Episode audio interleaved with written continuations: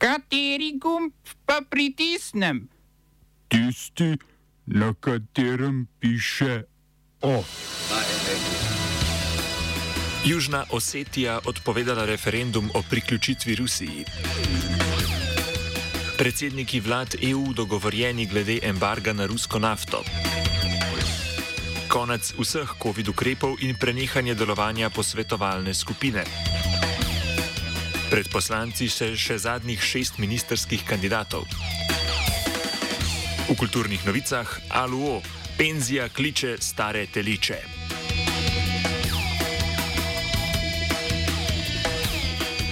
Predsednik samooklicane republike Južna Osetija Alan Gaglojev je sporočil, da bo republika opustila načrte za izvedbo referenduma o pridružitvi Rusiji, ki je bil napovedan za 17. juli.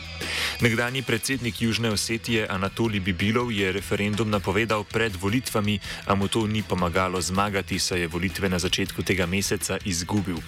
Gaglojev, ki sicer podpira pridružitev Rusiji, je njegovo potezo že takrat označil za nepremišljeno.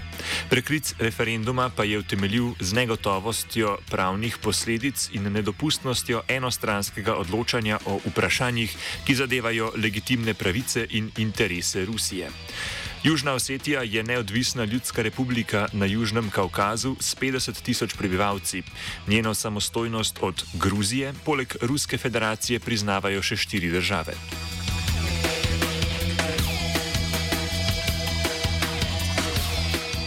Izrael je podpisal prostotrgovinski sporazum z Združenimi arabskimi emirati. S tem državi ukinjata carine na 96 odstotkov izdelkov. Sporazum opredeljuje pravila glede višine davkov uvoznih proizvodov in intelektualne lastnine. Pomeni tudi nadgradnjo meddržavnih odnosov po njihovi normalizaciji leta 2020. To je prvi podpis takšnega sporazuma Izraela z drugo arabsko državo in nadaljevanje prekinjanja politične izolacije Izraela živela v muslimanskem svetu, dokler se ta ne omakne z palestinskih ozemelj in prizna palestinske neodvisnosti.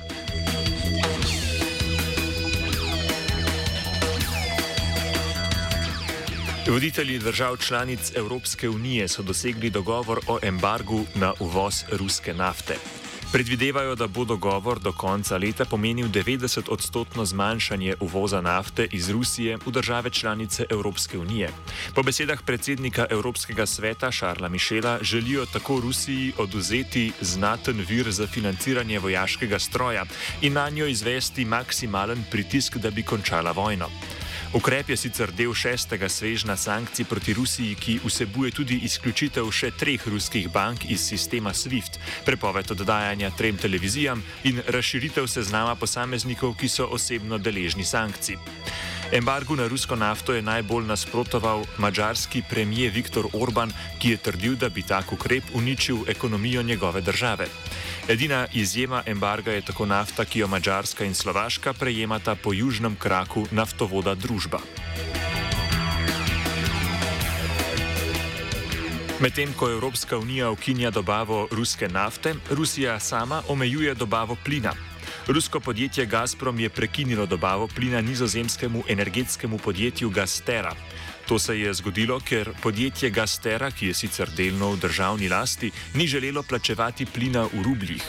Povod za prekinitev je bila marčevska odločitev Vladimirja Putina, da bo Rusija za zemljski plin sprejemala samo plačilo v rubljih. Vsi kupci bodo morali, če bodo želeli nadaljevati z dobavo, odpreti račune v kateri od ruskih bank. Gazprom je že ustavil dobavo plina nekaterim podjetjem na Polskem, v Bolgariji in na Finskem. Oba, če, če bom odgovoril na angliški. Slovenija bo poskušala pomagati. Slovenija bo naredila naš utmost, da bo rekla, da je situacija naš problem, naš sebe. In bomo naredili nadaljnje korake, as soon as the conditions are. Bomo vlado Marjana Cererera Šarca podprli. Very, very serious. From Slovenija. We know how and we will. Predsednik države Borut Pahor je državnemu zboru predlagal razrešitev ustavnega sodnika Marijana Pavčnika s koncem letošnjega leta.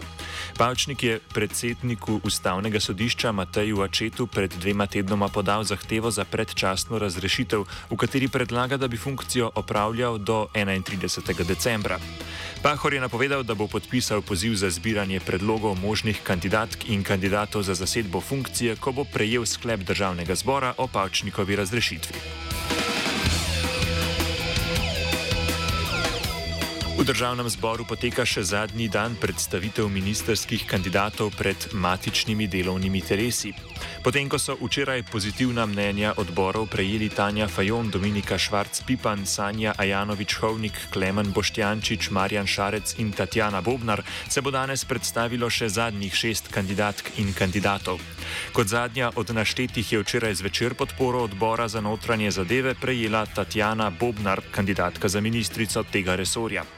Od uradne potrditve svoje kandidature se je soočala z nekaterimi kritikami civilno-družbenih organizacij glede soodgovornosti pri sistemskih kršitvah načela nevračanja, prepovedi kolektivnega izgona in onemogočanja dostopa do mednarodne zaščite. Na to se je odzvala tudi v predstavitvi pred odborom. Toliko, kar se tiče uh, teh očitkov in glede ravnanja v prihodnje na tem področju. Se pravi, po eni strani seveda absolutno zagotavljanje človekovih pravic in po drugi strani seveda tesno sodelovanje z lokalnim prebivalstvom uh, za zagotavljanje, torej po eni strani, kot sem rekla, človekovih pravic in po drugi strani najviše možne stopnje varnosti vsem. Bobnar je komentirala tudi del koalicijske pogodbe, ki govori o umiku žice, pardon, tehničnih ovir z meje. Prav tako je povedala, s čim jih nameravajo nadomestiti. V koalicijski pogodbi je zapisano, da naj bi se do konca leta umaknila ograja oziroma tehnične ovire, ker ljudje zaradi tega umirajo.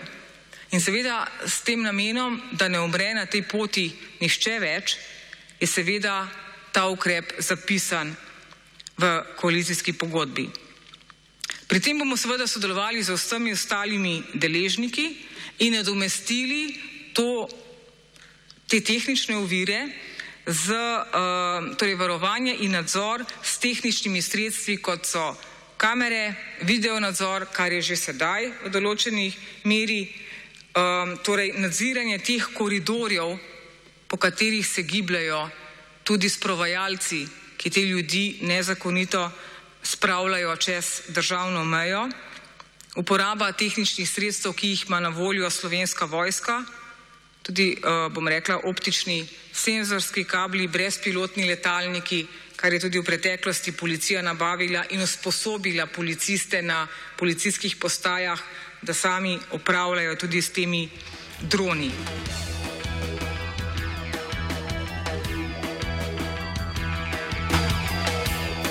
Pred nekaj urami sta bila kot kandidata potrjena Bojan Kumr in Irena Šinko, pravkar pa pred odborom za delo in na poslanska vprašanja odgovarjata Luka Mesec in Uroš Brežan.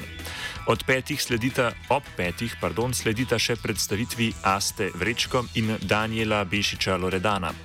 Mnenje odbora po predstavitvi za državni zbor sicer ni zavezujoče. Zadnji tak primer je bilo prav zadnje ministersko imenovanje Šarčeve vlade, ko je Angelika Mlinar kljub mnenju o neustreznosti predstavitve vseeno postala ministrica. Tako gre pri predstavitvi kandidatov na odborih predvsem za izkazovanje trdnosti vsakokratne vladne večine.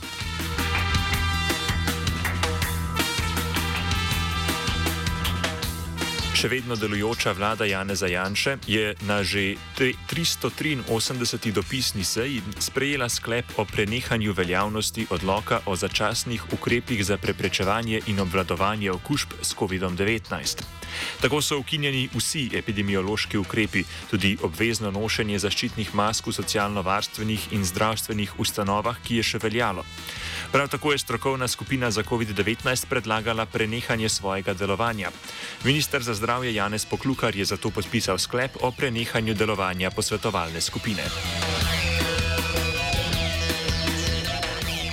Komisija za pogojni odpust na Ministrstvu za pravosodje je odločila, da nekdanjemu predsedniku uprave Istra Benza in prvemu ministru za notranje zadeve Igorju Bavčarju odobri pogojni odpust iz zapora. Bavčar je v zaporu prestal nekaj več kot 80 odstotkov zaporne kazni, izpuščen pa je bil zaradi vzornega vedenja. Še vedno pa proti njemu potekata dva druga kazanska postopka, prav tako pa še ni vrnil 18 milijonov evrov nezakonite premoženske koristi. Že sedaj je bil Bavčar v odprtem oddelku deležen prostih izhodov in vseh prostih vikendov. OF je pripravil Blaž.